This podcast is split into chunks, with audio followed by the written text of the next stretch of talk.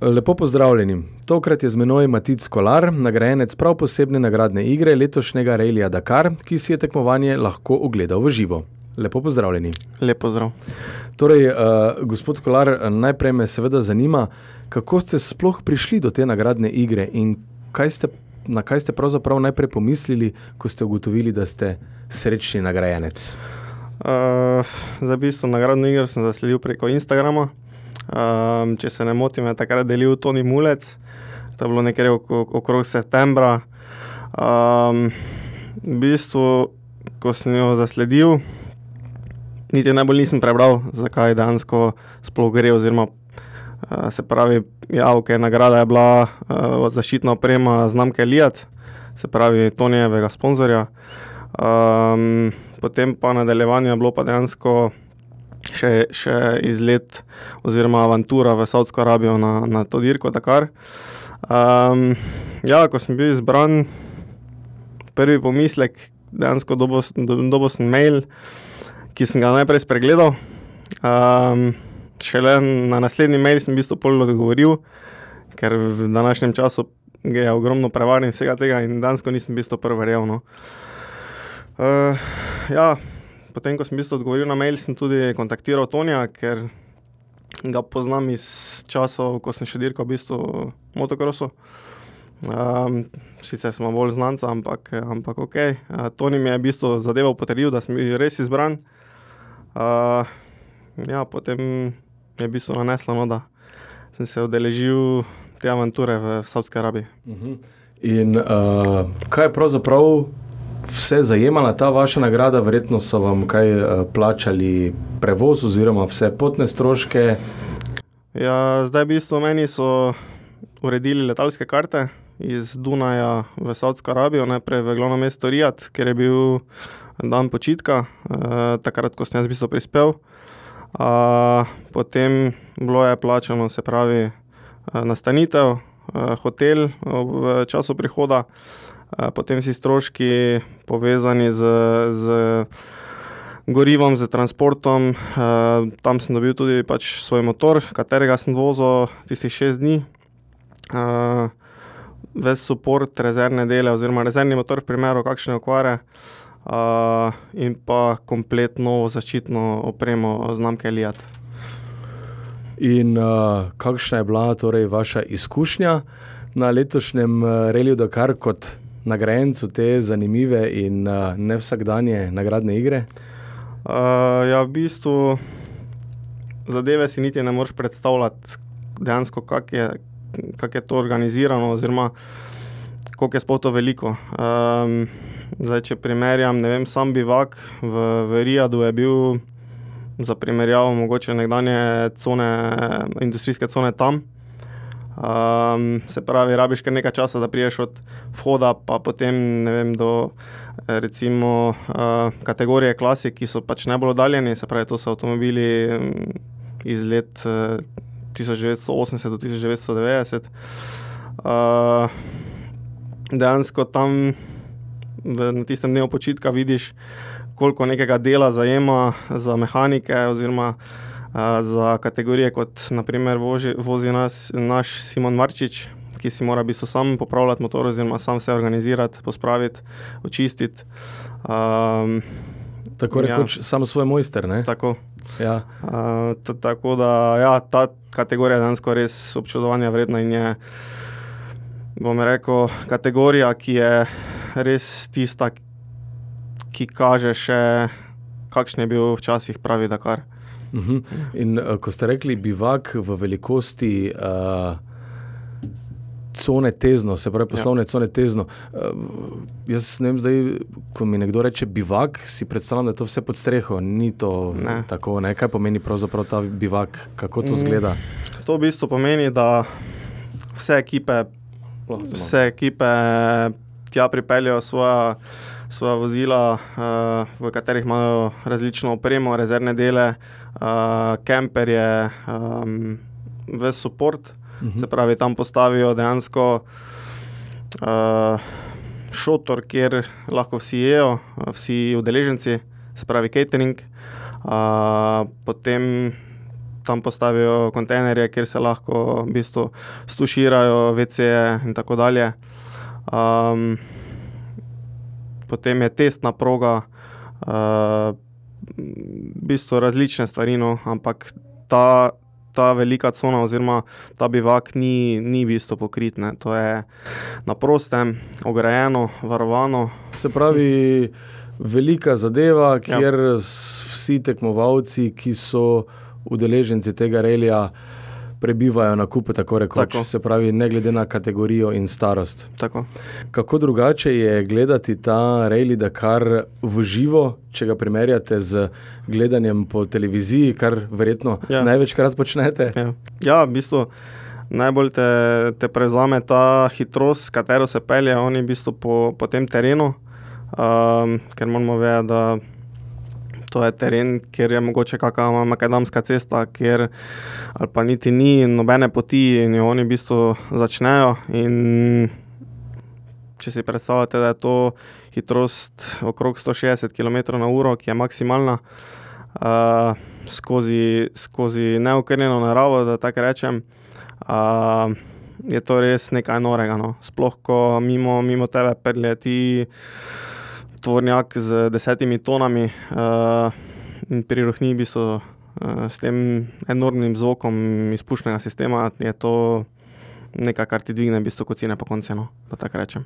Eh, In kolikor vem, vam je uspelo tam spoznati tudi uh, naša dva tekmovalca, ne, naša predstavnika, Tako. Se pravi, oba dva sta motorista, uh, Mariborčan Simon Marčič in Toni Mulec, ki, kolikor vem, vozi za nizozemsko ekipo. Kako je bilo spoznati? Povejte malo več o tem srečanju z njima. Uh, v bistvu, ja, Simona sem najprej zahaklo, da tako rečem. Um, tistem trenutku je bil sicer malenko slabe volje, ker se njegov okvarjen motor še ni vrnil iz prazne četrti, ki so imeli v bistvu etapo dva dni prej tam, um, ker mu je odpovedal menjalnik. Um, tako da, ja, mislim. Eh, Oba dva sta bila zelo sproščena, um, pripravljena za pogovor, sploh ko vidite, da je nekdo iz njune domovine tam, da je prišel tudi podpreti. Um, tako da, ja, v bistvu, ko, ko so Simono pripeljali potem motor nazaj, ko ga je začel pripravljati za, za naslednjo etapo, um, sem nekako poskušal s tem, da smo v bistvu dvignili motivacijo, da smo pripomogli pri izposoji nadomestnega agregata za en dan. Um, v tistem trenutku se mi je to res delo pravno, da to naredim. Um, ker ko vidiš, da se nekdo trudi, dela celo leto za to eno dirko, um, v katero je vloženega ogromno časa, ogromno denarja, je potem res bilo to na mestu, se mi zdi z moje strani, no, da mu nekako pripomorem pri tem. Um, drugače, kar se tiče Tonija, um, v bistvu sva bila že na vezi pred, pred samo dirko. Um, na dirko smo prenesli še neke, neko dodatno zaščitno opremo, ki mu jo ta proizvajalec ni uspel v bistvu dostaviti v pravem času. Uh, tako da, ja, tudi on si je v bistvu vzel čas za, za mene. Takrat uh, njegov šef ekipe mi je v bistvu razkazal cel njihov tovornjak, uh, kombi z rezervnimi deli, uh, kako si pripravljajo opremo. No. Um, tako da, ja, res mislim, ne, nepozabna izkušnja. No. Uh, Uh -huh. Tisto, ko ste dejali, da ste uh, Simonu Marčiču pomagali in mu skušali dvigniti uh, motivacijo, uh, ob tem, ko je imel izredno letos izredno velike težave, uh, predvsem tehnične, z svojim uh, motociklom. Uh, kolikor sem razumel, ste mu vi pravzaprav plačali, financirali uh, en dan najema nadomestnega agregata, drži? ja, tako je. Okay. In uh, kaj je ob tem rekel Simon Marčič, verjetno ga je to zelo presenetilo. Ja, v bistvu ja, bil je na začetku presenečen. Uh, niti se mi zdi najprej ni dojavno, da bi mu pač rad na ta način pomagal. Uh, potem pa ja, v bistvu se mi zdi, da mu je v tistem takoj v trenutku dvignilo motivacijo, no, da, da skuša popraviti motor eh, in da nadaljuje z dirko naprej. No. Uh -huh. Ste morda eh, kot nagrajenec uspeli spoznati eh, tudi druge tekmovalce, dirkače, morda koga, ki je na koncu dosegel zavidljiv rezultat? Uh, ja, v bistvu uspel sem spoznati uh, voznika v avt klasi avtomobilov, uh, Nasera Latijaha, ki je sicer na koncu odstopil, ampak uh, vemo, da je bil zmagovalec te, te kategorije eno leto nazaj. Uh, pa tudi uspel sem v bistvu dobiti nekaj informacij iz ekipe Hero. Ti nastopajo v kategoriji motociklov in njihov voznik Rosbrenč je bil letos drugi na Dakarju, generalno. Uhum. Torej, zanimiva izkušnja. Ja, Ste morda dobili kakšne zanimive napotke ali so vam morda so z vami delili kakšno zanimivo anegdoto tej uh, znani in izkušeni tekmovalci? Uh, v bistvu z vsemi, ko se pogovarjaš, ti znajo povedati to, da ja, moraš biti hiter na, na sami dirki, ampak najbolj važno je to, da prideš na cilj. Um, ni vse v hitrosti, največ je dejansko v tem, koliko znaš razporediti svojo moč oziroma svojo pripravljenost, uh, koliko se znaš pravilno modro odločiti v nekaterih težkih odločitvah. Um, morda ne vem, v etapi, ko so imeli dejansko dva dni si pine, vmes eh, niso imeli asistence, koliko je bilo dejansko treba privrčevati z gorivom, ker, je, ker so videli pač, da na polno ne bo šlo čez cel dan, oziroma do naslednje cone za tankanje.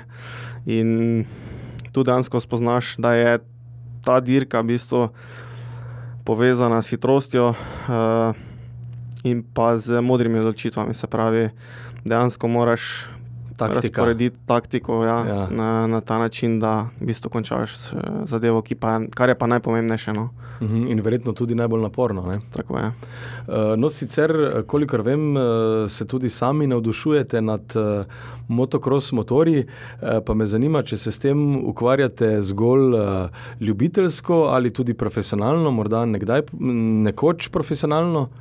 Ja, v bistvu sem od leta 2008 do leta 2015 uh, dirkal na, na državnem nivoju, se pravi državno prvenstvo in pokalno prvenstvo takrat. Uh, potem me je doletela najtežja poškodba gležna, ki mi je pač zadevo onemogočila, ker je bila sanacija dolgotrajna, no, da tako rečem. Um, Zaenkrat sem zdaj ponovno v ljubiteljskem smislu v motokrosu. Uh, je pa res, da ko sem dejansko imel možnost poznati to vožnjo skozi prostrano puščavo, oziroma um, ta način dirkanja, ki, ki sem ga dejansko imel možnost poznati, sem videl, da je to mogoče zadeva, ki me zanimala v, v prihodnih letih. Aha, torej, če vas prav razumem, uh, so vas nekoč uh, nekoliko bolj navduševali te uh, motocross poligoni oziroma motocross steze. Zdaj pa, ko ste v živo spremljali Dakar, pa se navdušujete nad temi prostranimi, nad prostrano divjino in sipinami. Ja, nekako tako. No. V bistvu začetek motocrossa je bil, oziroma navduševanje nad poligoni je bil zaradi tega, ker sem dokaj blizu eh, doma, eh, radizelske proge. Uh -huh. um, in ja, v bistvu Dakar sem začel spremljati. Uh, še za časa, ko se je moj bivši trener navduševal nad tem, se pravi, Sašo Kragel je takrat imel željo nastopiti na tej dirki in nekako on je takrat pripeljal to dirko v moje misli, da tako rečem, da sem začel to malo bolj spremljati. Zdaj pa, ko odraščaš, ko vidiš eh, še nekatere druge stvari, ki, na katere nisi imel do sedaj toliko pozornosti, no, um, pa vidiš, da je, da je to nek smisel, no, uh, da tako rečem. Se pravi, dirkanje v puščavi oziroma divjini. Uh mhm. -huh. torej, uh, če vas prav razumem, lahko v prihodnosti pričakujemo, da bomo kdaj slišali, da je na štartu uh, Relija Dakar tudi Matic Kolar iz Maribora oziroma ste rekli Radi Zela. Če bo vse po sreči, si tega v bistvu zelo želim. No.